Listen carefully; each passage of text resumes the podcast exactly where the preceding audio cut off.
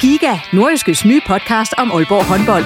Vil du helt tæt på, hvad der sker i Danmarks største håndboldklub? Vi kommer selvfølgelig til at, til at gå all in. Så lyt til Giga, podcasten om Aalborg håndbold. Det går ondt på et hold som Aalborg, når man ikke leverer det, man gerne vil. Der sætter vi hver uge fokus på de vigtigste historier og største profiler. Dejligt at se, at han er den øh, afgørende faktor, som vi ved, han er. Lyt til Giga, der hvor du finder dine podcasts.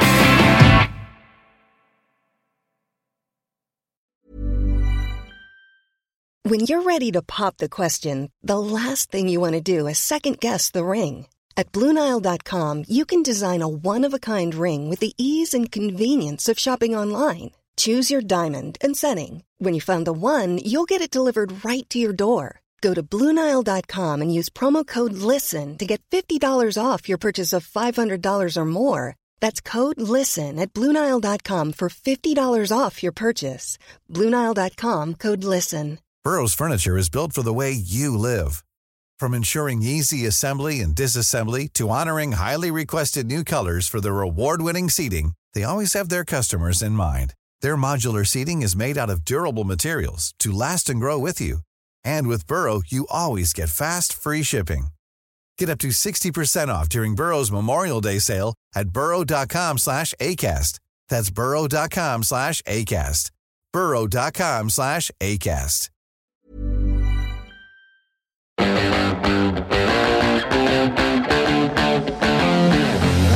OB er tilbage på førstepladsen efter de fredag aften hentede det, der vist godt kan kaldes en rigtig OB-sejr på udebane mod Fredericia. Det skal det handle om denne gang i reposten, hvor vi også kommer rundt om Vendsyssel FF's flotte sejr på udebane over Sønderjyske, og så Hobro IK's start på foråret. Mit navn det er Jens Otto Barsø. Velkommen.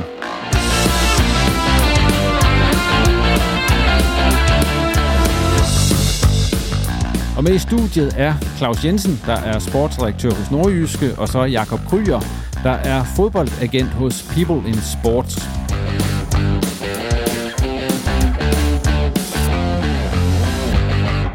Og jeg skal lige sige, at i løbet af udsendelsen kommer du også til at høre reaktioner fra AB-lejren. Vi skal en tur forbi Hobro IK-cheftræner Martin Thomsen, og som end også Simon Ydelsen, der i optagende stund er på vej hjem fra Haderslev fra at have set Vendsyssel FF mod Sønderjyske.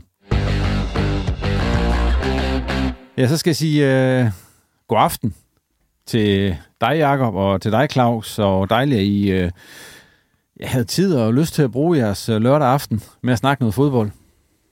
Uh, og Claus, du er jo kommet i stort slået humør ind i studiet. Ja. Ikke kun fordi Vendsyssel har vundet. Nej, Nej. Øh, og heller ikke fordi jeg er skadesfro, fordi Hobro har tabt, men derimod fordi, at jeg lige fik tid til at ud af det ene øjekrog og se Tottenham Ja, vende det er 0-1 det. til 3-1 over Crystal Det var det, Palace i slutfasen. Det var ja. det, jeg vidste. Ja, jeg er altså også Tottenham-fan, så... Så det er to glade. Ja, det er to, ja. så det bliver en positiv udsendelse, vi får. Det, og det bliver det, fordi to af de hold, vi dækker, har jo også vundet, så det kan næsten ikke blive andet end en positiv udsendelse. Og øh, jeg skal lige sige, at øh, Simon har jo været nede og se den her kamp, øh, der blev spillet lørdag, hvor vi optager i dag øh, mellem øh, Sønderjyske og Vendsyssel FF nede i Haderslev. Og ham ringer vi lige til lige om lidt, fordi det blev jo en kamp, hvor vi allerede sige nu, det ved dem, der hører det her nok, at, øh, at Vendsyssel lige simpelthen tog ned og vandt øh, 3-0 nede i Haderslev over dem, der så havde ligget nummer et indtil OB2 førstepladsen fredag aften. Men øh, det skal vi selvfølgelig det skal vi høre mere om fra, fra Simon, men som sædvanligt, så starter vi jo med OB, og de spillede jo fredag aften ned i Fredericia, og øh, efter en skrækstart, så endte det jo alligevel med, at OB de kom derfra med en 3-2 sejr. Allerførst, Jakobsen, helt overordnet om den kamp. Hvad, hvad, hvad tænker du om den? Jamen, jeg synes på, på mange måder ligner det mange af de OB-kampe, jeg har set. Altså, at de, øh, de i virkeligheden øh, er, er måske lidt på hælene i, i et stykke tid, især i starten af kampen, men øh, deres, øh, deres kvalitet, synes jeg, er så høj på, på mange positioner, at, at selvom Fredericia jo virkelig har, har fat i kampen, især i starten, så, jamen, så scorer de mål på dødbolde, og så scorer de mål på... Altså, de, de har forholdsvis nemt ved at komme frem til deres mål, synes jeg, og deres kvalitet i forhold til de andre hold er, er høj, så, så selvom de ikke altid er det bedste hold på banen, så, så ender de som regel med at vinde kampene. Ja, og Claus stod jo dernede i Haderslev og så det på, på nærmeste hold. Altså, hvad var dit indtryk efter, at der blev fløjtet af? Sådan bare det første indtryk. Jamen, det var jo nok ordet klassisk OB-kamp, altså hvor de, de, de har problemer undervejs. Der er sådan lidt, øh, lidt klumper i benzinen, men man har fornemmelsen, at, at øh, når det så øh, spænder til, og de får kommer bagud, eller, eller i det tilfælde, at de får udlignet Fredericia, så har man fornemmelsen af, at de lige har et ekstra gear, hvor de lige kan, kan trykke på, på speederen, og så, så alligevel hive et resultat, som de har gjort så mange gange før.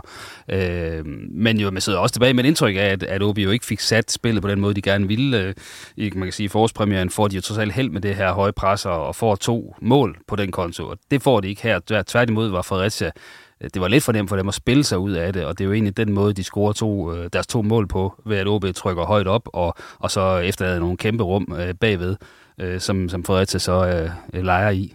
Vi har jo normalt vores bedste og værste ved kampen. Er det den værste, du allerede har taget lidt hul på der, eller har du noget andet, du vil spille ind der?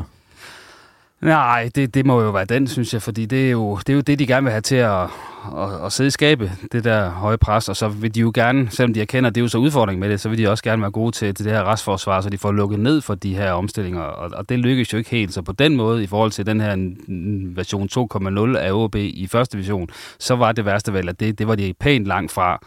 Til gengæld, ja, så scorer de jo to dødboldmål igen, og det kan man jo nå langt på. Øh, der er de jo de bedste i rækken. Er det også din, nu kan vi lige tage din bedste med sammen, hvis det er det? Altså, ja, men det er det jo ja. suverænt. Altså, de har jo to uh, frispark der på, hvad er det, en 4 meter uden for feltet i begge tilfælde, ja. hvor de først uh, er det jo uh, uh, Caballo, der laver et perfekt indlæg til, til, til Lander, og så efterfølgende i anden halvleg, der er det uh, Bakis, der laver den til, til Kramer, og det, det er jo ja, det er jo en høj frekvens, at man scorer på, på det område. Man kan så også sige, nu din bedste og værste kommer lige om lidt, Jacob, men man kan også sige, det, det hovedstød til Lander score, det er jo ikke bare lige sådan. Altså, det er jo ikke bare sådan en, han bare står en meter fra mål og lige skal sætte hovedet på. Man kan sige, at det hovedstødstilbud, som Bakis havde i anden halvleg, det var noget større end den der, hvor, hvor, øh, hvor Talanto nærmest er nødt til at lave en ballonbold over i den modsatte hjørne, hvis han skal have en chance. Så, så den fik lige præcis den temperatur, den skulle have. Og det er også det, du snakker om, Jacob, at de har så høj kvalitet på nogle af de der enkeltaktioner, for det der, det er jo ikke det er jo ikke bare lige noget, man gør. Det talent, han gør der. Nu har du selv spillet professionel fodbold og, og ved, altså, det der, det, det, det, er en, det er en meget, meget svær detalje. Ja, altså det er jo ikke, øh, det er jo ikke tilfældigt. Altså det er jo, som, som Claus siger, det er jo mange øh, dødboldmål, de har lavet gennem, gennem sæsonen, og, og, og den ting er jo selvfølgelig selvforstærkende et, at de må være, være dygtige i deres aftaler. Det ser ud som om, de nogenlunde gør øh, stort set det samme hver gang, og det er jo også en god idé, når man bliver ved med at, med at score på det. Hvis man er god til det, så behøver man ikke opfinde en dyb tallerken. Så, så det der er jo super positivt, og jeg synes også sådan... Øh, perspektivmæssigt, fordi det er jo noget af det, at de i hvert fald også helt sikkert kan tage med i, i Superligaen, at, at de både er stærke defensivt og, og især offensivt og kan få nogle af de her lidt nemmere mål på, på dødbold også. Men det må også, nu, nu scorer de så igen på dødbold mod Fredericia. Jeg mener også, at de gjorde sidst, de mødte dem, at de var ret overlegen. Der scorede til land to mål i, i hjemmekampen, blandt andet.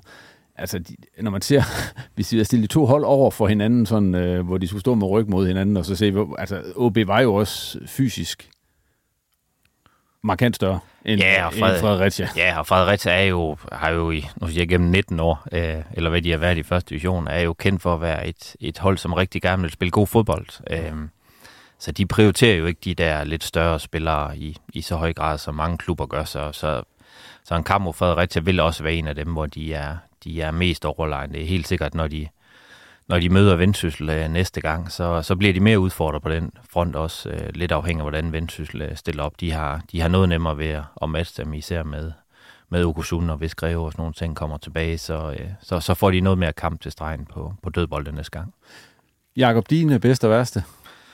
Jamen, jeg synes, det er, det er sådan, at kvaliteten på OB, øh, altså deres afgørende og deres øh, dødbolde, som, øh, som jeg vil, jeg vil fremhæve, og det er jo sådan, at man sidder i, i pausen i går og synes, de har ikke spillet en specielt god første halvleg, men de er bare foran 2-1 igen. Øhm, og det synes jeg er en kæmpe kvalitet at have for dem.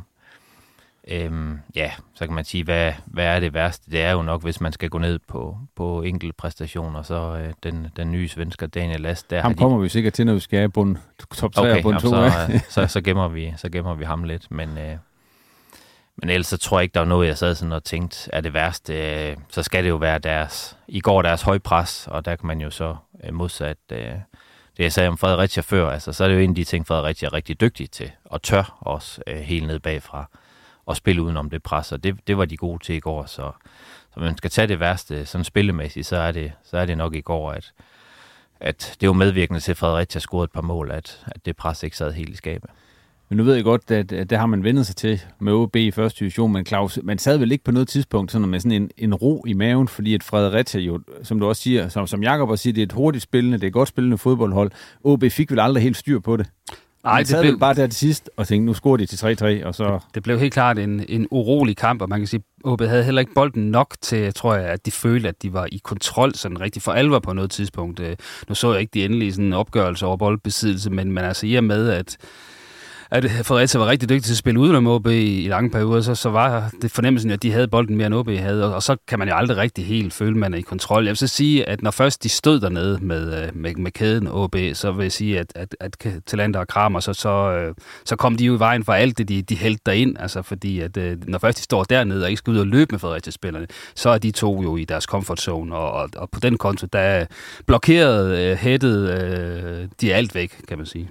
Og vi har jo snakket med et par OB'er, inden vi tager vores tre bedste og to dårligste her i kampen, så kan vi lige høre, hvad, hvad et par OB'erne sagde. Og det er, ja, den ene af dem, det er jo så Rasmus Talander, som scorede det her fine, fine hovedstødsmål. Og den anden, det er faktisk også en af målscorerne, det er Mathias Jørgensen, som fik scoret i sin anden kamp i træk for OB.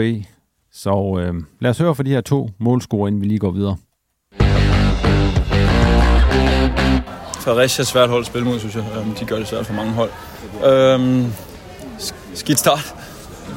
Øh, igen, hvor vi kommer bagud. Og så øh, en masse positive ting at tage med. Øhm, vi er voldsomt farlige på dødebold igen. Og så, øh, så skaber vi mange chancer mod, øh, som jeg siger, et godt hold, som ligger, som ligger træer i rækken. Og så positivt, at vi øh, udbygger øh, vores, øh, vores fører.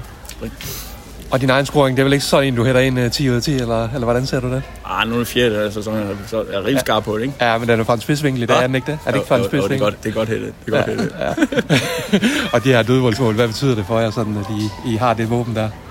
Jamen, det, det, det, er bare en, det er jo bare en faktor. Altså, det, er det, bare, det er det bare i fodbold, og vi har, vi har et godt setup, og jeg kunne forestille mig, at modstanderne de gør alt, hvad de kan for at dæmme op for det, men det er svært. Uh, vi har nogle stærke hætter, vi har nogle rigtig gode saver, Øh, og så gør vi det samme igen og igen og igen. Det fungerer.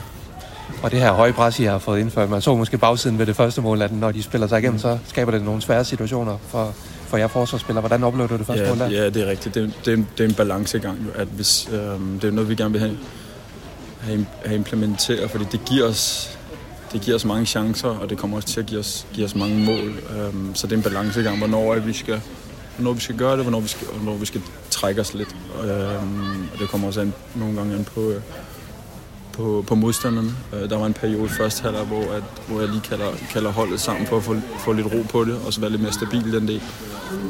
Øhm, så det er perioder kampen, at vi sådan kan ligge, ligge og skifte med det. Men det giver utrolig mange chancer, så det er våben til at score mål. Og i den første kamp, der var helt meget lidt kritisk over for, for at spille med bolden. Synes du, I, I forbedrer jer der i dag? Ja, det synes jeg. Øh, det synes jeg. Øhm, jeg synes, vi i perioder finder, finder en fin ro på bolden, hvor vi får, hvor vi får det mål løber vi også. Vi laver også et flot mål, mener jeg, øh, hvor vi spiller dem, øh, spiller dem tyndt. Så det er, det er også tilfreds med. Det var også en positiv retning, synes jeg. Og nu 12 point ned til Fredericia, mm. som jo er bare tre inden den her runde. Hvad, hvad giver det jer? Om det giver noget... Det giver jo selvfølgelig noget ro, det er jo klart, øh, og så noget selvtillid. Det er selvtillid at vinde, at vinde kampe. Det er, jo, det er jo præstationer, vi skal bygge på, men det hjælper, når du, når du, øh, når du vinder, så at vi kommer godt fra start i den her halv sæson. Øh, så, øh, og så har vi selvfølgelig folk ved, at vi har et, et mål om at, at rykke op, men vi har et lige stort mål ind. Også i trummer, at vi, vi, skal, vi skal vinde rækken. Hvad var din oplevelse af den kamp i dag? Ja, det var først og fremmest, at vi fik øh, alle tre point. Det var, øh, det var skønt, og især efter, efter sidste weekend, øh, så, øh, så var det dejligt at, at kunne få tre point øh, i dag mod, øh, mod tophold i rækken også, så, øhm, så vi skal slet ikke øh, undervurdere den her sejr. Vi skaber, vi skaber mange chancer mod et, øh, et hold, som ligger, ligger godt til os, så, øh, så det var en dejlig sejr for, for hele gruppen. Og mål for dig igen i dag, hvad, hvad betyder det på den start her? Jamen det er jo dejligt. Det er jo som sagt, som jeg, jeg kom ind med og, og skulle, skulle bidrage med, med offensive kvaliteter og skulle bidrage med, med oplæg og, og med mål og, og kunne få et, øh, et mål igen i dag, men det, det betyder meget. Bare først og fremmest, at det, det betyder noget personligt, men det betyder allermest, at jeg kan hjælpe holdet med, at vi får tre point. Det er det vigtigste. Nu hørte jeg hjemmepublikum, der var med, der var offside. Hvad siger du til situationen? Hvad ja, jeg har ikke set det igen. Ja. Det kan sagtens være, der offside, det ved jeg ikke, men um, det talt, så og, og, det tæller for mig, og det tæller for holdet, så, så det er det allervigtigste. Og nu 12 point ned til Fredericia, som ligger nummer 3. Hvad, hvad betyder den sejr her for jer? Jamen, den betyder lige så meget, som det har gjort at slå alle mulige andre, men, øhm, men det er jo dejligt at kunne komme herned øh, på udbanen og få, få, få tre point mod et, øh, mod et, også et, et godt fodboldhold. Det skal vi slet ikke, øh, slet ikke undervurdere, så, så det betyder meget for hele gruppen, og nu sigter vi højt, nu går vi efter at slå alle hold i rækken, og man skal slå alle hold i rækken, for at man, for at man vinder rækken, og det, det er det, vi har tænkt os at gøre. Og så overvandt de også den chokstart der. Det viser vel også en form for moral på det her hold? Ja, det gør det helt sikkert, men vi skal også prøve at se, om vi kan lade være med at komme sådan fra start, så, øh, så øh, at vi kommer tilbage, det viser nogle kæmpe moral i holdet, men øh, lad os håbe på, at vi lader være med at, at gøre, det, øh, gøre det sådan næste gang, og det er også der tager til næste gang.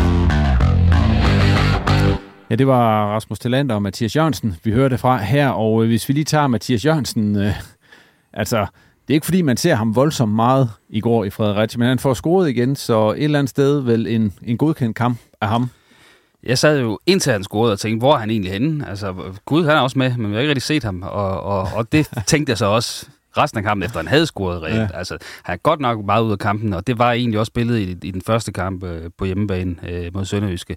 Han forsvinder øh, ud af kampen, og der, jeg tror ikke, det er meningen, at han på den måde skal være sådan en, en ensom ulv i, i OB's spil. Øh, der, der burde han kunne indgå mere og ikke være så, så usynlig i lange perioder. Men på bundlinjen står der to kampe, to mål, og, og hvis han lige kan holde det resten af foråret, så, så er det nok så er det svært at stå her og kritisere ham for at forsvinde ud af kampene, men, men derfor kan man jo godt ønske sig et endnu større impact. Ja, for han var vel bedre rent, synes det er helt nøgtern på det, så var han vel bedre i kampen mod Sønderjyske, Jacob, end han var i, mod Fredericia. Ja, det, det, det synes jeg. Øhm, men altså, som, øh, som også der bliver nævnt. Altså bundlinjen er jo vigtig, især hvis du er offensivspiller, og den er jo, den er jo forrygende for ham indtil videre med, med to kampe og to mål. Og, og han scorede jo også rigtig mange mål for, for Esbjergs øh, for anden division, så, så han har fået en, en rigtig, rigtig god start, og det er jo tit det, vi måler offensive spillere på, og så, så er det klart, så skal han nok have bygget noget, nogle flere aktioner på øh, i løbet af kampene, men, øh, men bundlinjen for ham har været rigtig god de første to kampe. Sådan som Adedeji, som så spiller på den anden kant, han er jo meget mere synlig. Ja, det må man sige. Han, han øh, byder så mere til, øh, men jeg synes også, han er mere øh, boldfast, trods alt, end, end Mathias Jørgensen. Men, men Jørgensen er jo så endnu hurtigere, kan man sige, end Adedeji, som jo også er hurtig.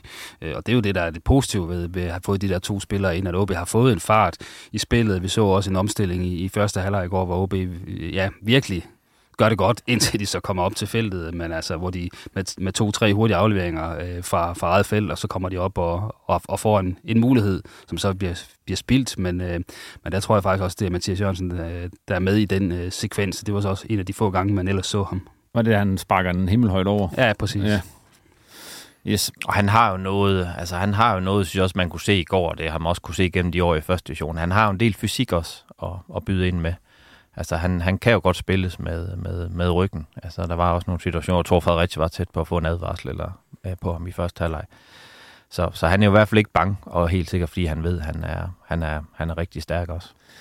Skal vi lige have jeres uh, top 3 og bund 2'er? Vil du starte, uh, Jacob? Ja, jeg synes, den var lidt svær, øh, fordi jeg synes i virkeligheden, at øh, altså, det er klart, det tæller meget op øh, dødvoldsmæssigt, at både Kramer og Talander, de øh, jo sådan øh, afgør kampen, men øh, det kan godt være lidt svært at vælge defensive spillere, hvor der går to mål ind, og, og de har nogle flere chancer imod.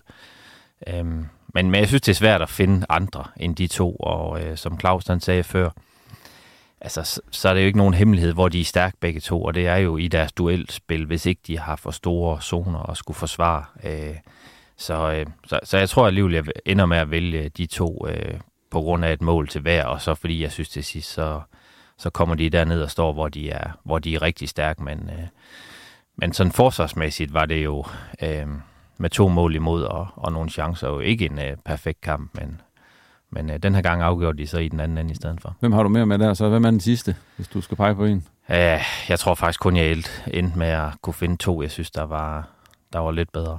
Nu er det jo en hemmelighed, Claus. Jeg kommer ind her og sagde, at I har givet dem alt for karakter. Det kan også da, sagtens være, vi da har. jeg kom, I havde givet dem 5 ud af 6 ja, i, ja. Øh, i, i nordjyske.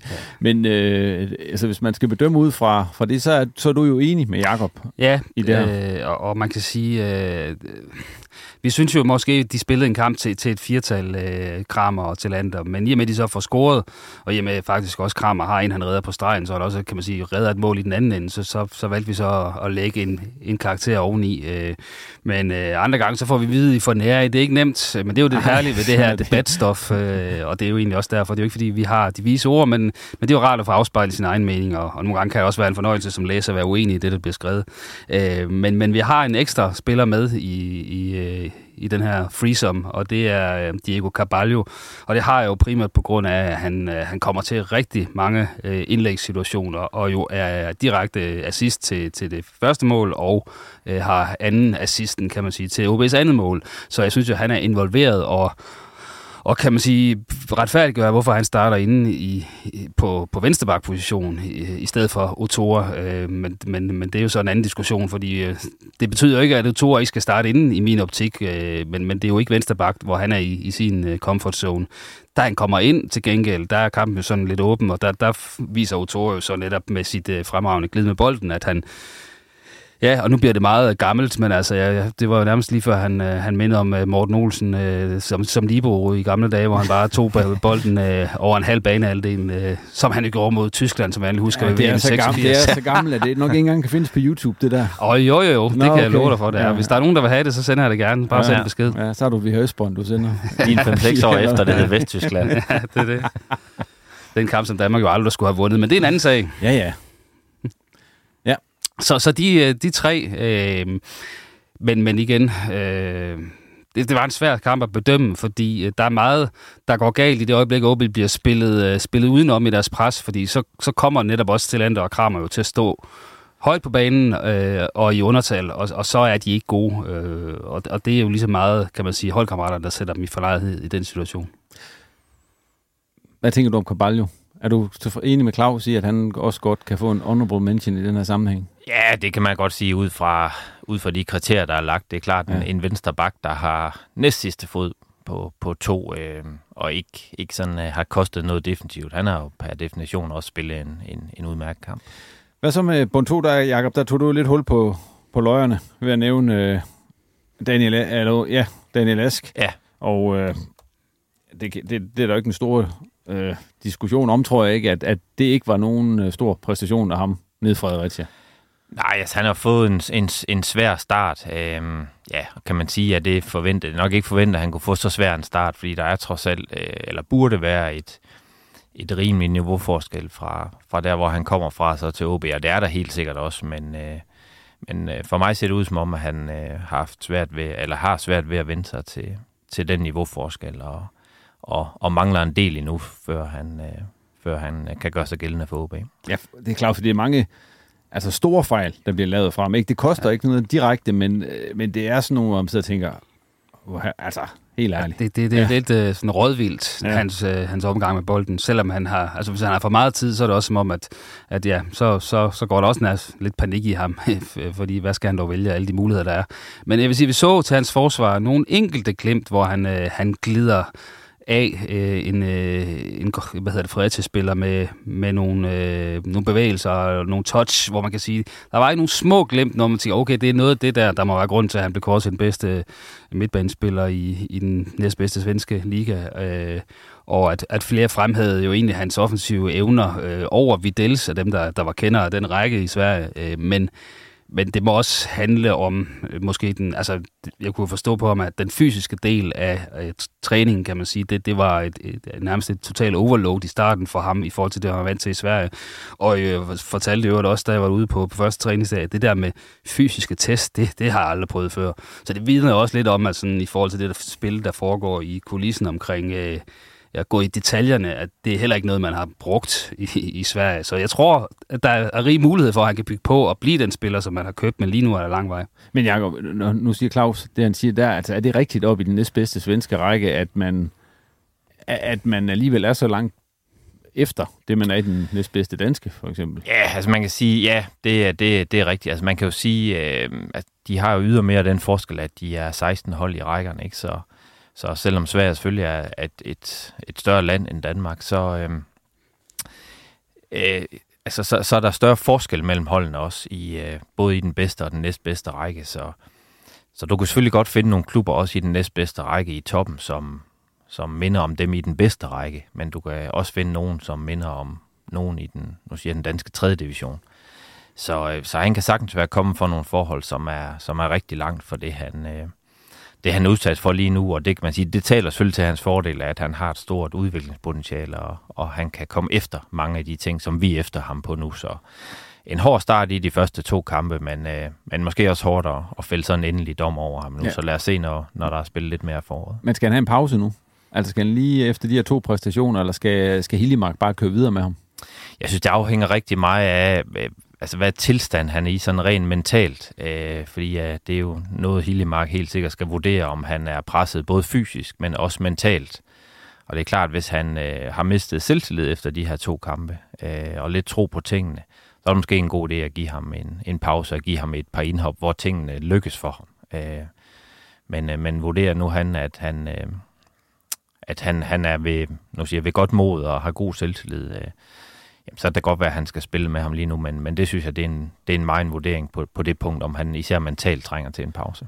Ja, fordi nu, nu, kommer, nu er det Bumhold, der kommer ind i stedet for ham i den her kamp, de spiller ned Fredericia, og det, altså, det var det, det var jo ikke sådan et indhop, der så bare sagde, at han skal bare spille næste gang. Nej, det var, det var, det var også kan man sige, mangelfyldt og fejlfyldt, kan man sige, på, på et niveau, hvor man kan sige, det, der var ikke den store øh, Øh, sådan kæmpe opgradering, da Bumhold kom ind, må vi også sige. Så, øh, men så er der jo selvfølgelig en Odata også i, i kulissen, øh, som, som man så ikke bruger så meget lige i øjeblikket, og, og som jo også kun er på leje, og, og i princippet er væk til sommer, medmindre man finder ud af et eller andet der. Så, så, og at han ikke bliver brugt lige nu, der, der kunne måske også godt være et tegn på, at, at den aftale ikke står til at blive forlænget. Så, så der er mange ting, der skal tages øh, sådan med i, i den samlede udregning, øh, og det tror jeg godt, OB kan tillade sig at gøre, fordi de jo ligger der, hvor de gør nu med kæmpe forspring til de nærmeste, øh, så behøver de jo ikke sådan at og øh, altså nødvendigvis at spille de allerbedste 11 hver gang, selvom det lyder lidt åndssvagt, men der, der er jo også en udviklingsproces og en næste sæson, man skal kigge på. Øh, og der vælger man jo nogle gange dem fra, som ikke indgår i, i, i ligningen fra efter sommerferien. Han bliver først skiftet ud, øh, nu lige bliver vask her, han bliver først skiftet ud... Øh, ja, efter, 62, det, tror jeg. Er det ikke senere end det? Nej. Han var lige nøjagtigt ikke øh, inden for vores bedømmelse, kan jeg huske, og det var det noget med, det kræver 60 minutters uh, spil. Uh, altså kom ind sent i det 60. Ja. 20. og der var han et par minutter fra, som jeg husker det. Men jeg tænker, det kan være, jeg ikke husker godt længere. Ja, det ved jeg heller ikke. Det kan vi, men, men jeg tænker bare, altså skulle han ikke have været tid ud i pausen oven på det der, eller er det for, for ja, nu siger jeg sådan, at lave god sådan ydmygende er det, er det, vil det ødelægge ham endnu mere at sige uh, tak for i dag i pausen allerede? Ja, det, det gør det jo generelt. Altså nu kan man sige, at topfodbold, der tænker man jo øh, som træner hovedsageligt på at vinde kampen, og ikke, øh, ikke, ikke så meget på, om, om man... Altså man, der, der er nok ingen træner, der har lyst til at ydmyge deres spillere, men, øh, men øh, i, i nuet i går, så tænker Hilly jo helt sikkert på at vinde kampen, og havde han ment, det var det rigtige, så havde han nok taget ham i pausen. Men, men altså sådan generelt, så... Øh, så tror jeg, at de fleste spillere, især hvis de er ved at falde lidt til, så, så synes de, det er sjovt at blive skiftet ud efter 60 eller 62 frem for, for 45. Og det var, det var 62. Det føltes som 75. det, er nok, det er nok det. Ja. Fordi det var, det var der, han så endelig begyndte at lave øh, flere udskiftninger deromkring. Og det var først 72, lavede han så en udskiftning, hvor han øh, sætter over to hen. Ja. Og så, så skal vi helt frem til, til 83, før at der så sker noget igen. Altså det er igen en Hillemark, som man sidder og tænker, hvorfor skal der gå så lang tid, inden man skifter ud? Hvorfor ikke øh, bruge nogle af de... Øh, jeg synes jo, det, det er jo en, nogle fine spillere, der kommer ind. Altså, hvorfor er det ikke, de skal komme ind og prøve at sætte et aftryk på det lidt før? Og den var det lidt også sidste gang faktisk mod Sønderjyske. Ja, det kan man jo kun øh, spørge, spørge Hillemark om, om og, og, og, og selvom man så spørger ham, så er det ikke altid med rigtig for noget svar, hvis jeg sige. Øh, det bliver meget politikersvar i hvert fald. Øh, men, men, øh, men ja, øh, så er vi jo tilbage til, at, øh, at Sebastian Otora er jo en af dem, der kommer sent ind i den her kamp, og ham kan jo godt tage i forsvar nu, hvor, hvor Jakob han har en agent-rolle øh, i ham, og så sige, at det, det er jo ikke det er jo ikke det, der er med til at udvikle ham som spiller og gøre ham men, til, men til den her store salgsobjekt, som han Oliver, bør være. Der er heller ikke Oliver Ross, nej, nej, som præcis. kommer ind efter. Og nu, nu, skal ikke for, nu har vi ikke snakket om uh, nummer 10, det kan vi gøre på et andet tidspunkt. men det er jo heller ikke, fordi han brændte uh, stadion af dernede, og man sidder og tænkte, Hvorfor? Han skal da bare spille færdig, ham der, altså når man har andre udenfor. Altså. Ej, jeg mangler stadigvæk også at se, og nu kan vi godt bare lige tage hul på den også. Jeg mangler også at se, hvorfor at det er den helt rigtige opfindelse, Bakis som 10'er. Det, det, Eller 9'er med ja, nummer 10. Ja, men, men lige præcis. 9'er med nummer 10. Det, ja. det er jo, allerede der er vi ude i noget råd, men, men øh, jeg, jeg tror, jeg vil selvfølgelig gerne sige undskyld, hvis jeg står her om tre måneder, og så siger vi, at det, det var kraftet med genialt, og der skal han spille resten af sit liv, men det tror jeg simpelthen ikke, vi kommer til. Nej, det, det tror jeg heller ikke. Øh, altså, det, og det er jo klart, det er jo i hvert fald et, et problem, OB skal have løst senest til sommer, øh, hvad man gør på, på den her 9'er position. De skal nok klare sig igennem de næste øh, tre måneder. Nu siger jeg næsten lige meget, hvem de spiller deroppe. Akisa er jo en dygtig spiller, øh, og gør jo, hvad han kan, men, men det der er jo ikke hans øh, position, og bliver det aldrig. Det, det jeg holder med Claus der, at det, det tror jeg heller aldrig, det bliver. Så, så de skal i hvert fald senest til sommer have fundet ud af, om det er Helenius, eller om... Øh, eller om de skal på, på markedet for at finde den nier, fordi det, kommer, det går den her sæson, men det kommer ikke til at gå i næste sæson. Alternativ er jo så også at smide uh, Mathias Jørgensen ind som, som nier, som han jo selvfølgelig også har spillet nogle gange i sin karriere, men, men så sidder man også og tænker, at det vil også være synd uh, i forhold til den fart på kanten, som man gerne vil have. Så, så det er nok heller ikke løsningen. Det er ikke let. Men alligevel let nok til, at de nu ja, fører første division 3 ja, ja, point. helt sikkert. Øh, det er jo mere det, jeg tænkte. Der er jo mange meninger om, hvordan og det skal gøres, og på bundlinjen står så bare, at de har vundet 3-2 ja. Fredericia ja. og fører er på, tilbage på førstepladsen i, i, i første division og alle de her ting. Vi skal lige have, nu havde vi S som den ene bund. Hvem er den anden, hvis I skal bedømme det? Jeg har været total... Øh, jeg har slet ikke udført min opgave den her gang, Nej. i forhold til, at du har givet mig. Altså, jeg fandt kun to i den ene ende. Øh, jeg synes, det var svært at finde en yderligere, øh, som var sådan rigtig dårlig. Altså, jeg ja. synes, det var en pose blandede bolcher, hvor nogen var, var lidt frem og tilbage, så, så det lange svar der, jeg nøjes med en. Du nøjes med en, og Claus, du har en til. Kom Jamen, ja, altså, hvis jeg kan kigge på dem, jeg kun gav tre bolde, om så må sige, så, ja. så, så, er det jo, øh, så er det jo Bakis øh, eller, eller Højholdt, vi skal pege på. Øh, men jeg synes jo ikke, de, altså, igen, øh, det er jo ikke, fordi de er dårlige. Bakis er, er, er ude af position, gør, hvad han kan. Øh, Højholdt, han har jo nogle boldtab, øh, blandt andet i de første halvdel, som er ved at koste en friløber, som trækker ned. Ikke? Men, øh, og, og så har vi en, øh, hvad hedder det, en Kasper Jørgensen, som er fuldstændig på månen i det første kvarter, men så den trods alt kæmper sig tilbage i kampen. Øh, men, men sådan decideret langt under middel, synes jeg kun, der var Daniel Ask. Okay. Så jeg, jeg, du er lidt jeg vil heller ikke en, en, med, nej.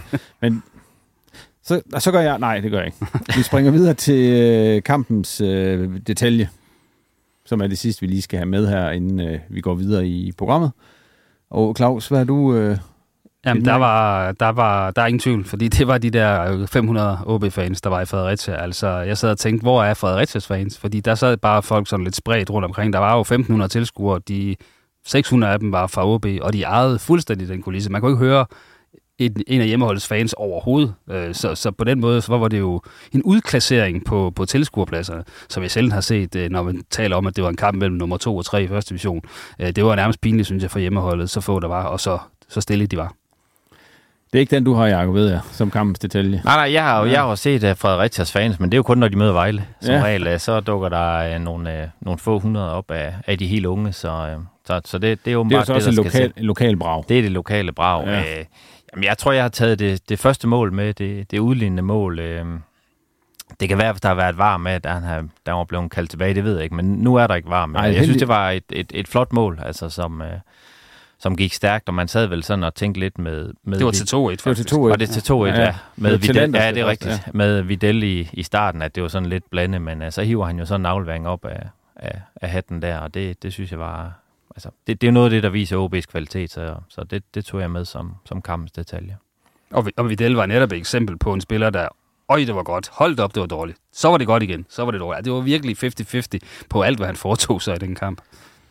Og nu øh, sagde jeg jo før det der med, at, at OB jo i bund og grund nok er fuldstændig ligeglad med, hvordan der ledes, hvem der spillet dårligt, hvem der spillet godt, sådan i et stort billede, fordi at den her kamp, den gør jo, at, at nu Fredericia er jo, jo sat i forhold til OB. Altså, de kunne være kommet ind på 6 point, nu er det så 12 i stedet for, og så er det vel også øh, altså i sidste ende skønhedsindtrykket. Det betyder jo ikke så meget. Altså, det var en meget, meget vigtig sejr, det er det, jeg vil frem til.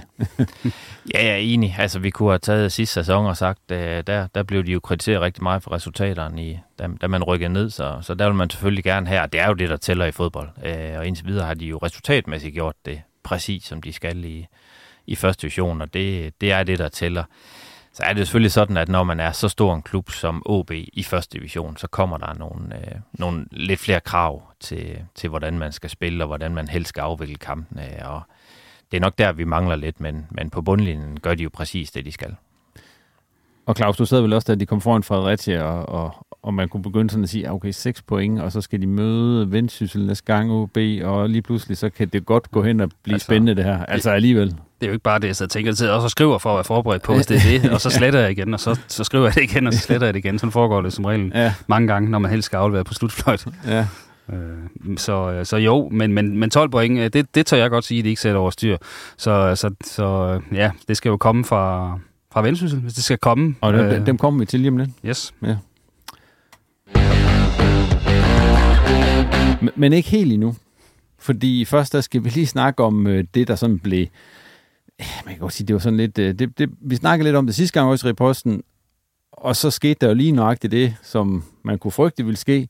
Det er den der tyske influencer-historie, jeg er ved at varme op til her, fordi dengang vi snakkede om det sidste gang i posten, der havde de jo ikke udgivet deres øh, videoer, Viska Barca og Sasha, hvad hedder han den anden? Trimax. Sasha Baron Cohen. Nå nej, det var nej, ikke ham. Nej, det var ikke ham, nej. Det var Sasha Heilinger. Han har trods alt ikke udgivet nogen af de videoer endnu, men øh, det har Viska Barca og så uh, Trimax. Og det er jo især nok Viska Barcas øh, lange 47 eller 42 minutters lange vlog. Der følte jeg virkelig, at jeg var på arbejde, da jeg var tvunget til at se dem igennem, vil jeg sige. Uh, da, da, da. Ja. Den anden, den var ikke så lang, den der Trimax. Den var vel kun 16-17 minutter.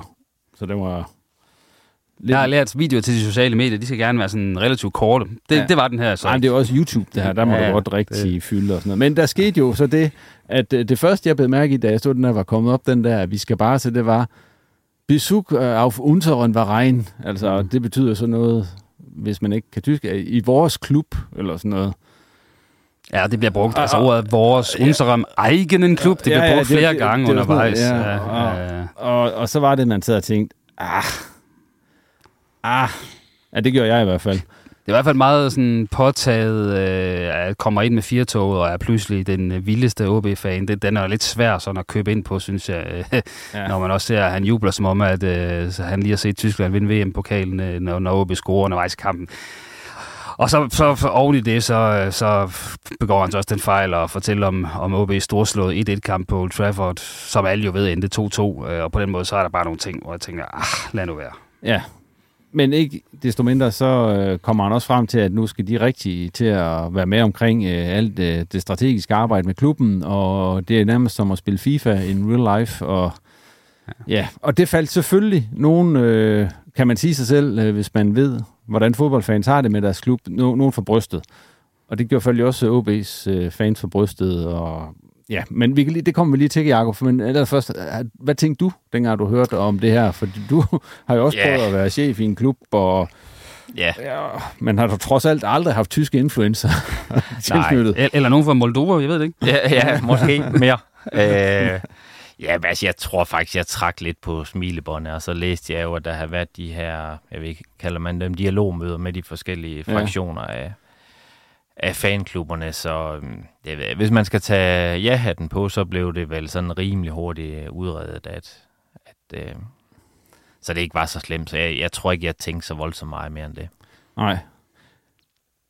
Jeg kan sige, at jeg har jo forsøgt, øh, eller jeg skrev til Vestrebyen, om der er ansvarlig for det, der hedder Christian Ortmann, og spurgte, om han ville være med øh, og lige fortælle om, hvad der var sket på det der dialogmøde, som de havde haft sammen med OB, og hvor der kom en fælles udmelding bagefter om, at nu så vi fremad, vi er jo kommet videre, der var blevet... Øh, og øh, Christian, han, øh, han sagde, han havde egentlig ikke behov for at snakke mere om det. Der var, det, der var kommet en løsning på det. OB, de havde øh, lagt sig fladt ned, og nu så man fremad. Og ja. det, er jo, det er jo det positive der. Man har fundet en... OB har vel, som de også skulle i det her tilfælde, lagt sig ned og sagt, ah, det var ikke for godt, at vi lå det der slippe igennem.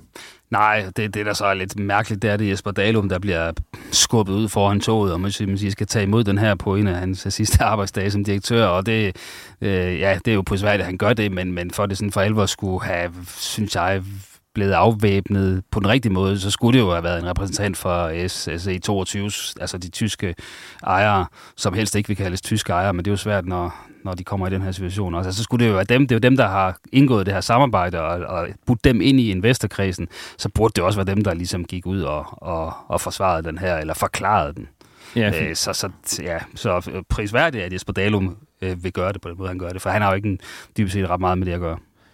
Nej, og man burde, det, det man også kan undre sig over, det er, at, at, at, at man ikke kan gennemskue det fra SSE 22 side, at det her, det ikke er nogen god idé at sende det her ud i den form, det bliver sendt ud i. At man ikke øh, på en eller anden måde sætter, lige siger, at det går, at du lige skal lave det der om, vi skal bare sig, fordi at... Øh, Jamen, den bedste måde... Altså, jeg Claus, kan, lad os bare sige, hvis du nu var kommet ud og havde fået lov til at, at gå og filme en hel dag ud på OB, og, og så har sagt, nu, øh, det får I ikke lov til at se, jeg sender det bare. Det, det vil jo ikke ske.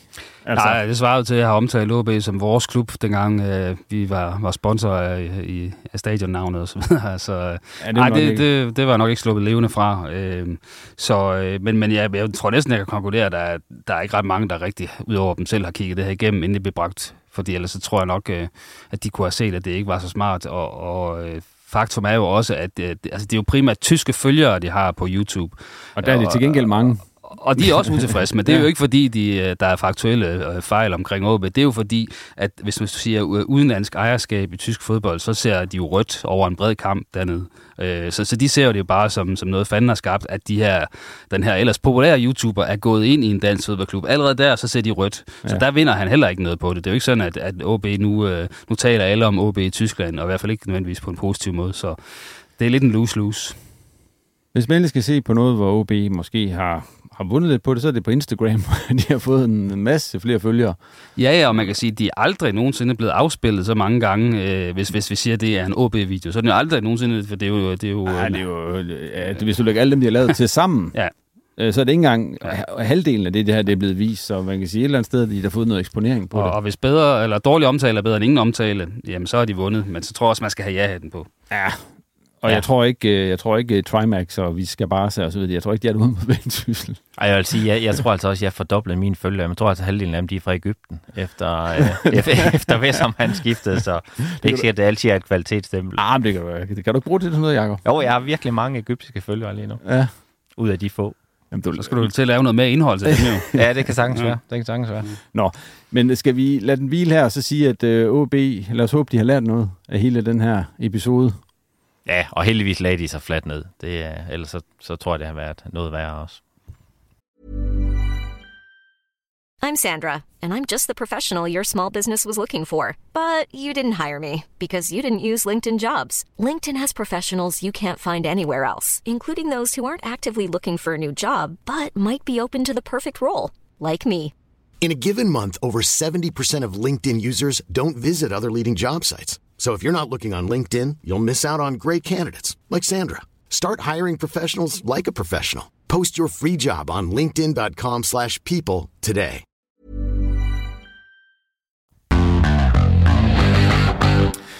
Yes, nu springer vi videre til øh, Vendsyssel FF, som øh, jo spillede ned i Haderslev. Vi har allerede været inde på, at altså, Sønderjyske var jo i, i Aalborg her for, for en uges tid siden, hvor de fik 2-2 med hjem, og der synes man, øh, var man noget imponeret af Sønderjyske.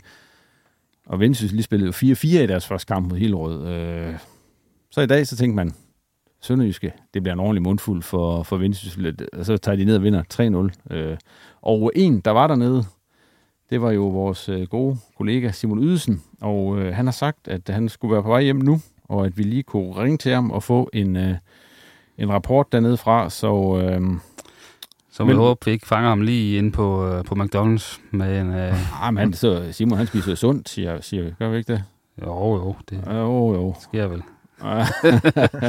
Nå, men, det gør jeg også en gang. Men I kan lige, øh, mens jeg lige får ringet Simon op, så øh, Claus, du sad jo også fuldt med i kampen. Øh, hvis du lige skal sige det på om hvad... Ja, men så, så var det jo ikke en kamp, hvor man kan ikke sige, at det var en kamp, Vendsyssel styrede på nogen måde. Altså, det var jo, øh, det var jo ja, de stod relativt dybt, men forsvarede sig også rigtig flot øh, mod et, et sønderjysk mandskab, som kæmpede lidt med at skabe, skabe chancer i det spil. Øh, og øh, derfor så øh, vil jeg også sige, at øh, de stod stand, vil jeg sige, og så til sidst, der bliver Sønderjyske selvfølgelig mere og mere desperat og efterlader, efterlader noget, noget plads, som så giver øh, et straf, og så et tragikomisk øh, selvmål til sidst, som ja. gør, at til, til allersidst, så bliver 1-0, så til 3-0, som selvfølgelig lyder af mere end hvad det er, men, men på bundlinjen en, en vendsysselsejr, som øh, dels sender OB alene, men også gør, at vendsyssel kan vi ikke sådan helt tage ud af oprykningsligningen endnu, og det er jo kun dejligt, at vi ikke kan stå her og sige det hele afgjort. Nej, og det, som der også, man kan høre lidt på det, du fortalte, at det var ikke sådan en, øh, det var ikke en typisk 3-0-kamp. Selvom det var det, der stod på tavlen efter det. Nu ringer vi lige til Simon og hører, hvad han, hvad han siger. Hvis han tager den. Nej, det tror jeg, han gør. Bare vent. ja, altså, på et eller andet tidspunkt tager han det nok. Det er bare et spørgsmål. Nå, der var han. Der var han. Ja, ej, kan I høre mig? Ja, det kan du tro.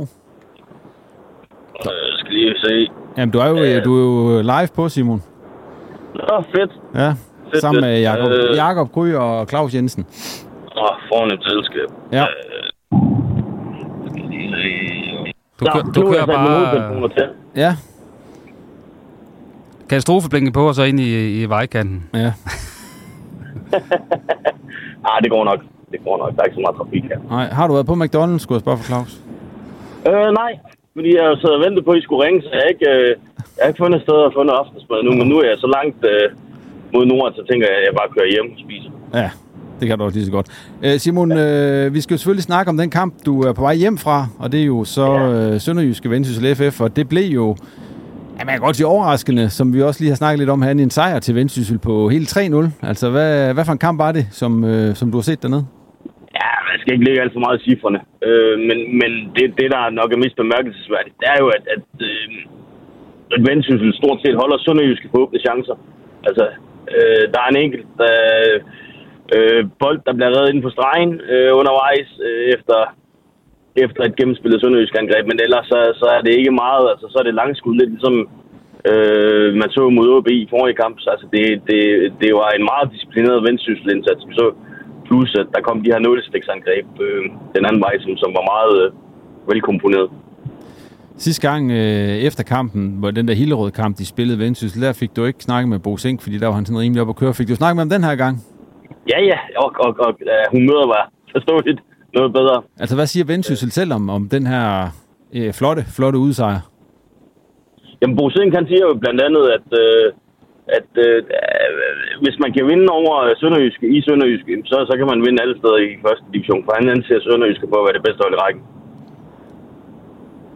Og man kan sige, det er jo ikke engang et vendsysselhold i stærkeste opstilling, der tager ned og vinder. Altså, de er jo stadigvæk svækket i deres øh, forsvar. Og gav blandt andet øh, vel startdebut til den nye svensker, Hartzell, eller Hartzell, eller hvad? Ja, ja, ja Tim Hartzell. Ja, ja, ham skal vi næsten lige vende, fordi øh, Mads Greve, han er jo stadigvæk ude, som du også, øh, som du også er inde på. Og øh, altså, jeg, jeg, jeg vil sige det sådan, at øh, Hartzell, han, han, øh, han fik en, en hård indledning på kampen, fordi jeg tror, øh, han starter med at smide bolden op i skoen på en øh, sønderjysk spiller øh, ved sin første øh, aktion, og, og der kunne man se, at Bruce Sink, han var ved at, at selv destruere ned på bænken, men, men efter en lidt shaky start, altså de første 15-20 minutter var måske ikke øh, helt stilren fra hans side, så, så spiller han sig øh, meget op og ender med at, at stå stærkt i billedet hos Vendsyssel og, og viser be, bestemt også, hvorfor man har, man har hentet ham. Der er, noget, der er helt sikkert noget potentiale at gå på. Og hvem imponerede dig ellers i, i kampen dernede? Fra, Jamen, Simon fra Okusun, han, øh, Simon Okusun, han spiller en meget, meget flot kamp øh, og holder sammen på det hele.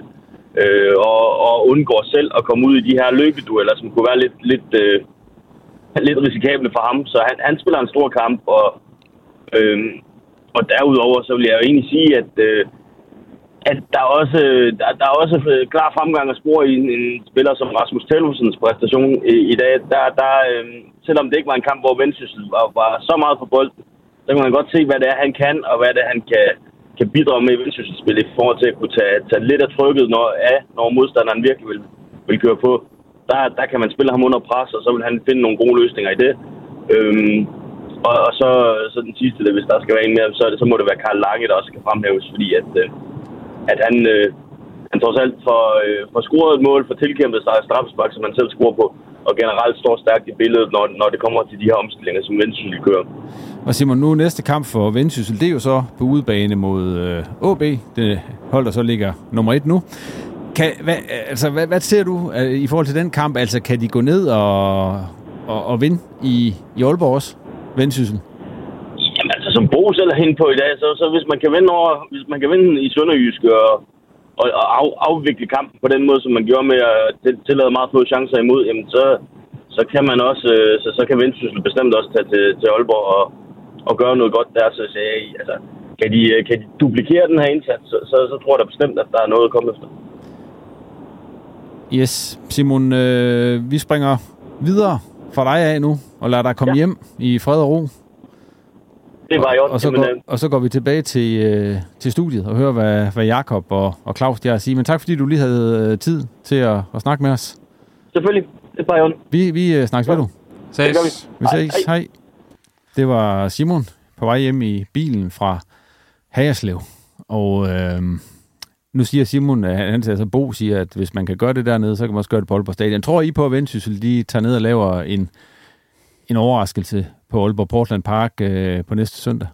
Jamen altså, det, det, der skal der ikke så meget overtagelse til, at jeg begynder at tro på det, fordi altså, der er jo hold som Næstved og, og så videre, som har formået at, at, hente point på, og Hobro sågar at vinde på Aalborg Portland Park, så selvfølgelig kan Vendsyssel også gøre det, hvis de får tingene til at sidde i, i skabet, og, og OB om at det ikke, ikke gør, så er den her række jo så tæt, at, at så er det sådan set ikke ret langt mellem nummer 1 og nummer 2 på den konto, hvis, hvis det ene hold præsterer på toppen, og det andet ikke rigtig er der. Øh, og det kunne da være sjovt for, for alle parter, tænker jeg, hvis, hvis det endte med en vendsyssel sejr, fordi så, så er der jo noget lir, og, og, og et venstrehold, der stadig sådan truer med at blande sig i, i, i toppen. Jeg vil så sige, at jeg er ikke bekymret, som, som, som hvis jeg var OB, men hvis de så taber til, til Vendsyssel, man kan sige, det kommer måske også an på, hvordan man taber, men, men det resultat alene vil jo ikke gøre, at, at man så tænker, nu rykker OB ikke op, så... Øh, men det vil give os lidt mere, lidt mere lir øh, i den interne nordiske regnskab.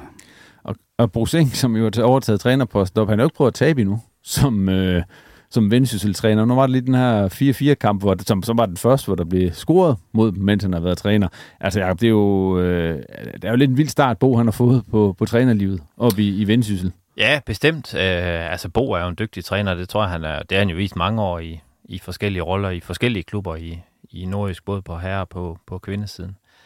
Så øhm, jamen, altså stor kado til Vendsyssel. Jeg synes faktisk gennem, øh, gennem øh, hele sæsonen. Altså nu, øh, nu ligger de nummer tre og øh, har i hvert fald som minimum håbet en uge endnu, indtil de skal, indtil de skal herud. Og det bliver jo en stor kamp for, for Vendsyssel, og sikkert med, med mange øh, tilrejsende også. Så, så, så det bliver en, en fed kamp næste søndag. Og så synes jeg sådan, altså generelt har de gjort det virkelig flot den her sæson. Altså, nu kan være, at vi kommer til det lige om lidt, men hvis Markus Bundgaard ryger nu også inden for nogle uger, jamen, så er det trods alt deres, øh, deres tredje salg i den her sæson af en vis størrelseorden, og så ligge nummer tre. Øh, det, det er bare lidt på hatten af. Det er godt arbejde.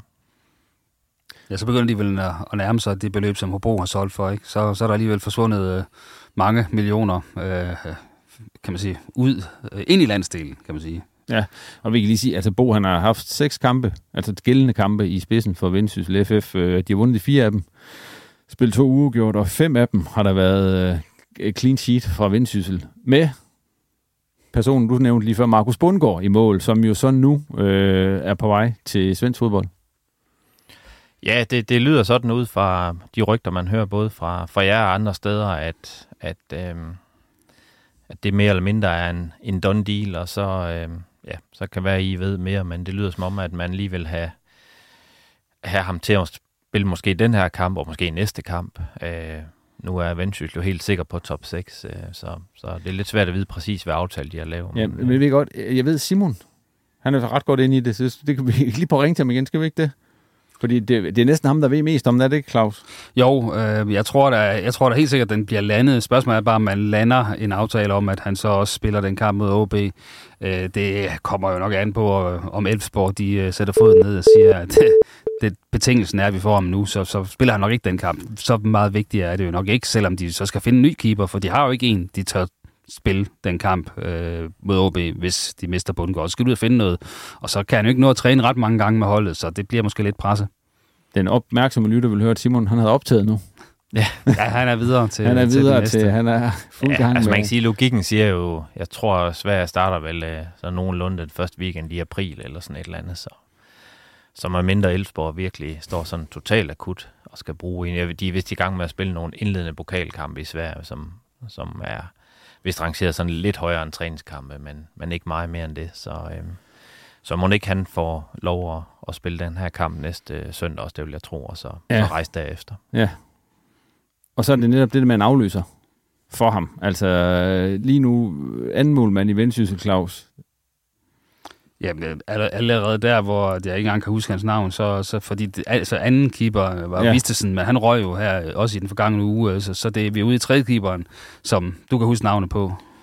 Øh, øh, Karim Tassa? Nej, jeg, jeg, jeg kan heller ikke huske navnet på ham. Øh, Det er den nye første keeper. det er den nye første keeper, ja. Så, ja, øh, det er klart. Øh, ja. Ej, de skal selvfølgelig ud på, på det her marked for, for målmand uden kontrakt, øh, og se om de kan og se om de kan finde en målmand, som øh, resten af foråret kan, kan gøre et, et job, indtil de formentlig leder efter en permanent, eller helt sikkert leder efter en permanent løsning fra, fra sommer af. Ja, og der er navne, når man lige kigger på, på listen over, over transferfri målmænd derude, så er der jo masser af navne. Altså, man, jeg kunne hurtigt lige finde frem til de første 10-12 stykker, hvor man tænkte, okay, det kunne, det kunne egentlig nok godt gå an, uden at det sådan er en stjernemålmand. Men, men, men der er navne derude, så, så jeg ser ikke, fordi jeg er sådan super nervøs for det. Øh, jeg tror også, at den kalkyle er jo lavet ud fra, at Vendsyssel måske ikke selv helt har troet på, at at de kunne komme med i, i oprykningsdelen, altså være et af de to bedste hold. Øh, Det kan selvfølgelig hurtigt være en ny situation, hvis de så ender med at slå OB næste søndag. Så kan det være, at de øh, tænker, så kan det godt være, at vi skal ud og finde øh, en, vi skal give lidt mere for, for at indlemme i, i folden. Nu må vi se. Ja, det må vi se, hvad der sker på den front. Jeg tror, lige på ringe til Simon til sidst, så lige høre, om han, hvad han bidrager med i den Markus Bundgaard-snak. Og så, ja. øh, så tror jeg egentlig bare, at vi springer videre til Hobro.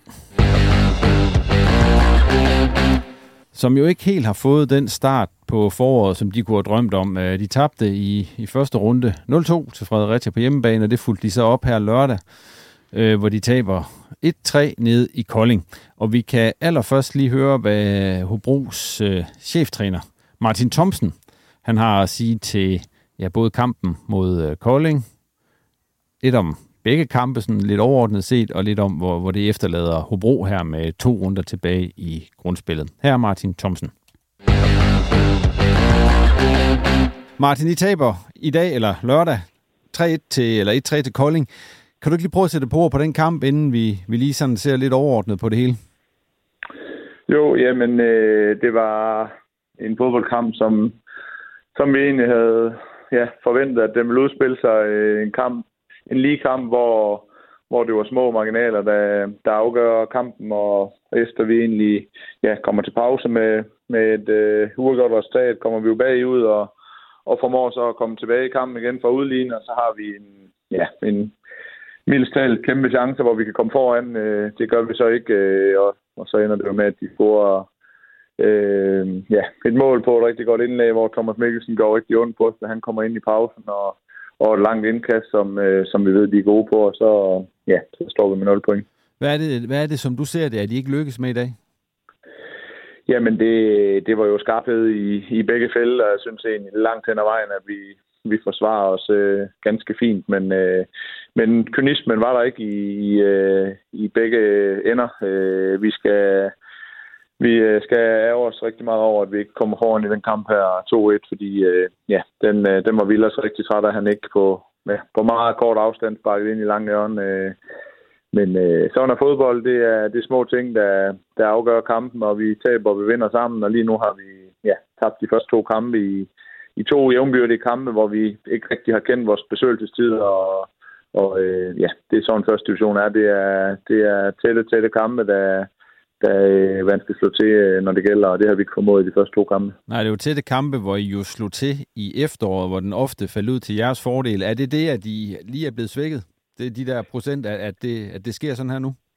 Jamen, der er der ingen tvivl om, at øh, når, man, når man lige, som der i øjeblikket, har, ja, at der er fire nye, i hvert fald fire, der ikke sådan lige øh, er der i hvert fald i forhold til, man var sige, så er der nogle relationer, der, der giver nogle procenter, øh, men det skal ikke være nogen undskyldning. Vi, øh, vi er vi har et andet hold nu her, og dem, der ikke har mere, dem skal vi ikke snakke om. Jeg synes, mange af de spillere, der er kommet ind, der ser vi også i dag øh, momenter på hver deres måde, der, der kan komme ind, øh, både Richmond og Jesper, der, der så kommer ind i dag, er lige ved at gøre ondt på dem. Øh, Marius, der egentlig har, har spillet et par, par rigtig fine kampe, efter kun have stået noteret for hvad. Øh, I to kampe. Max Nielsen, der igen kommer ind i dag og bidrager. Så det er nye spillere, der ikke har spillet så mange minutter. Det er, det er en investering også i fremtiden, men, øh, men vi ved, at det er altså nu, det gælder. Og øh, nu har vi øh, den næste kamp mod B93, hvor vi simpelthen skal have gjort det her færdigt i forhold til top 6, så vi kan få det lukket, øh, så det ikke vi ikke skal ud i sidste spillerunde og ud i alle mulige scenarier, som, som kan udspille sig.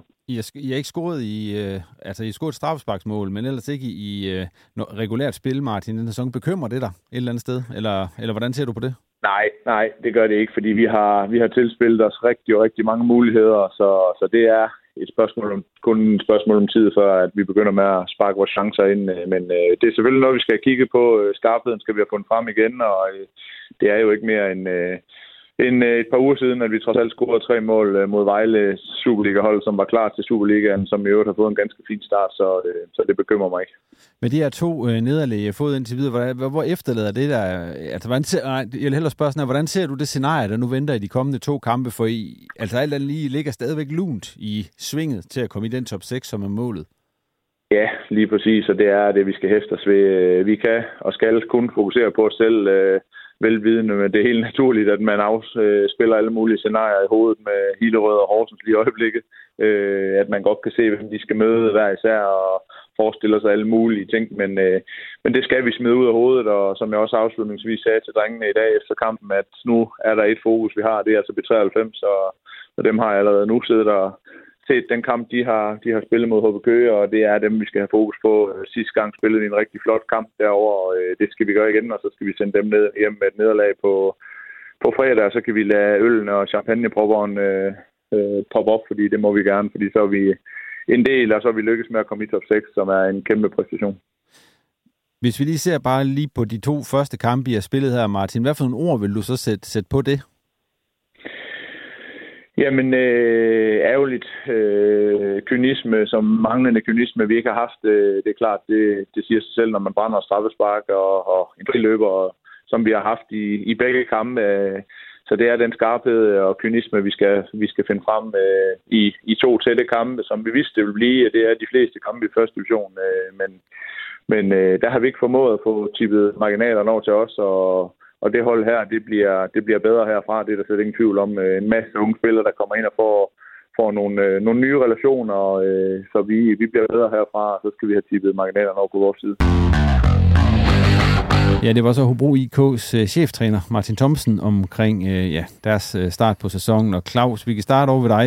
Det var vel lidt, altså den start Hobro har fået, det man kunne frygte oven på det, der skete i transfervinduet med salg af Jonathan Fischer og Brianac og Lars Skjellup.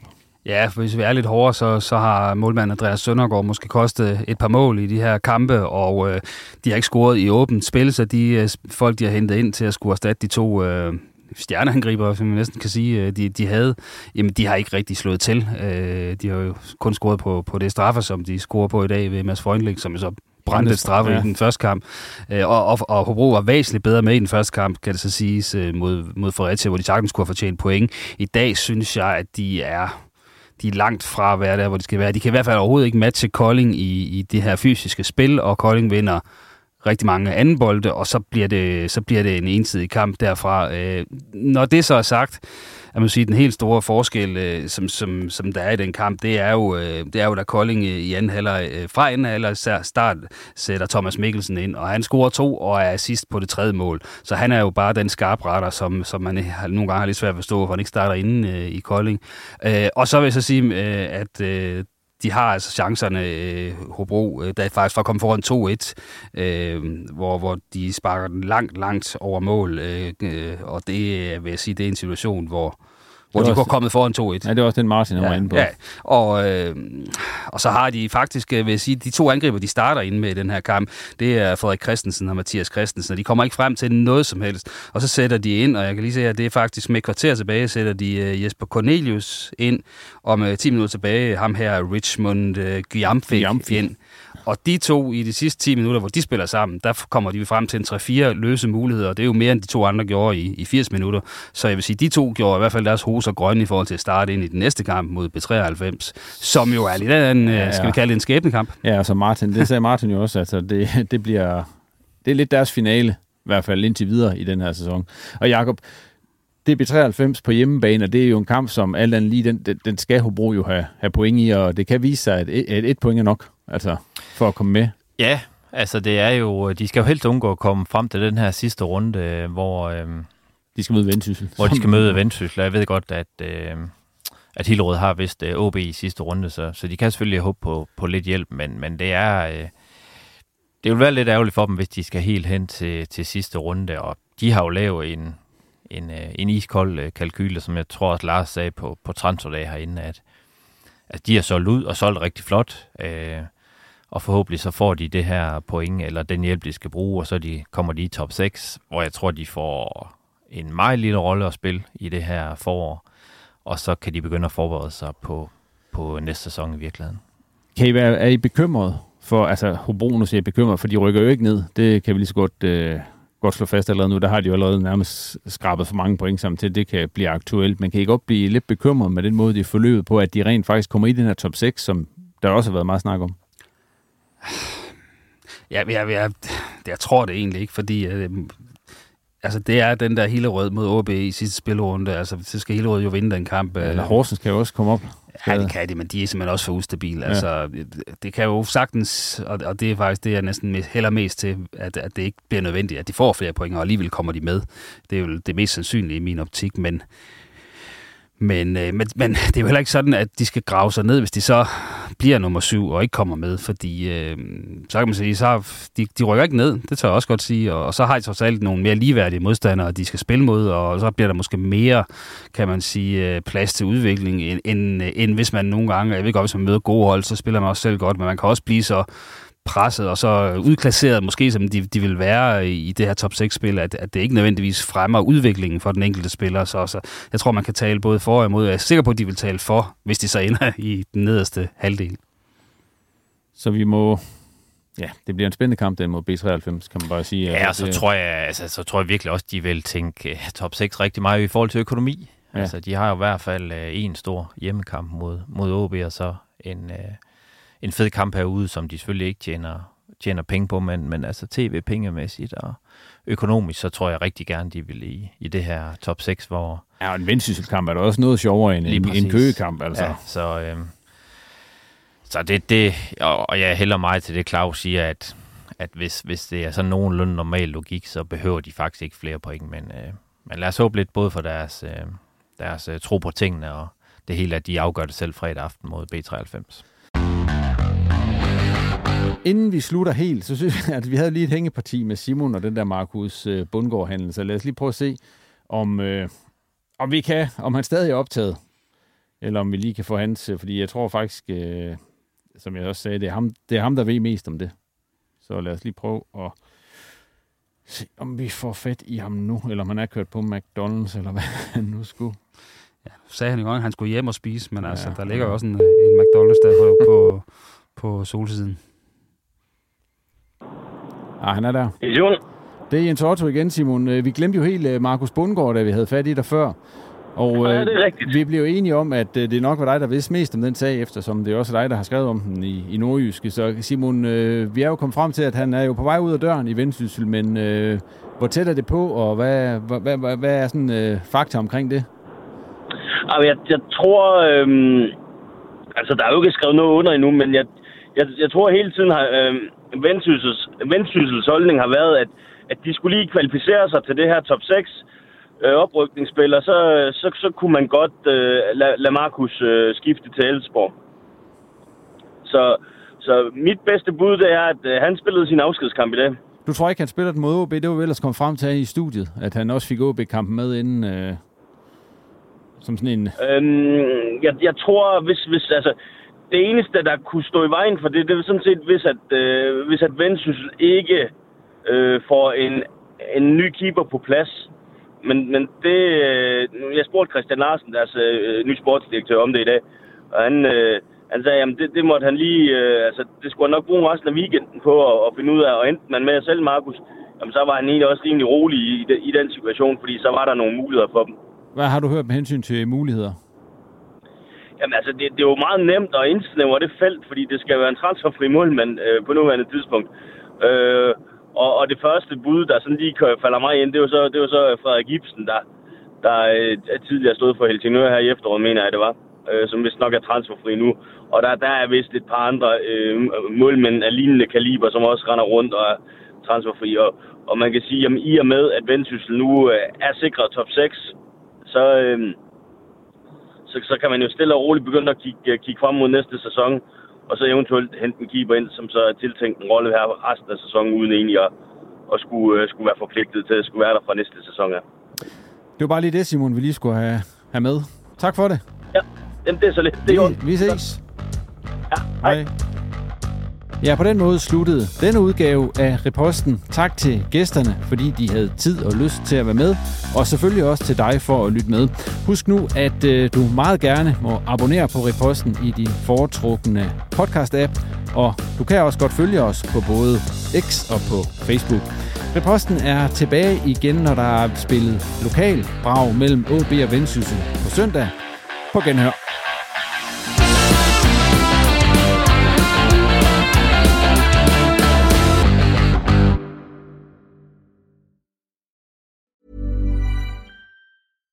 Mom deserves the best, and there's no better place to shop for Mother's Day than Whole Foods Market. They're your destination for unbeatable savings, from premium gifts to show-stopping flowers and irresistible desserts. Start by saving 33% with Prime on all body care and candles. Then get a 15-stem bunch of tulips for just $9.99 each with Prime. Round out Mom's menu with festive rosé, irresistible berry chantilly cake, and more special treats. Come celebrate Mother's Day at Whole Foods Market. Mom deserves the best, and there's no better place to shop for Mother's Day than Whole Foods Market. They're your destination for unbeatable savings, from premium gifts to show-stopping flowers and irresistible desserts. Start by saving 33% with Prime on all body care and candles. Then get a 15-stem bunch of tulips for just $9.99 each with Prime. Round out Mom's menu with festive rosé, irresistible berry chantilly cake, and more special treats. Come celebrate Mother's Day at Whole Foods Market.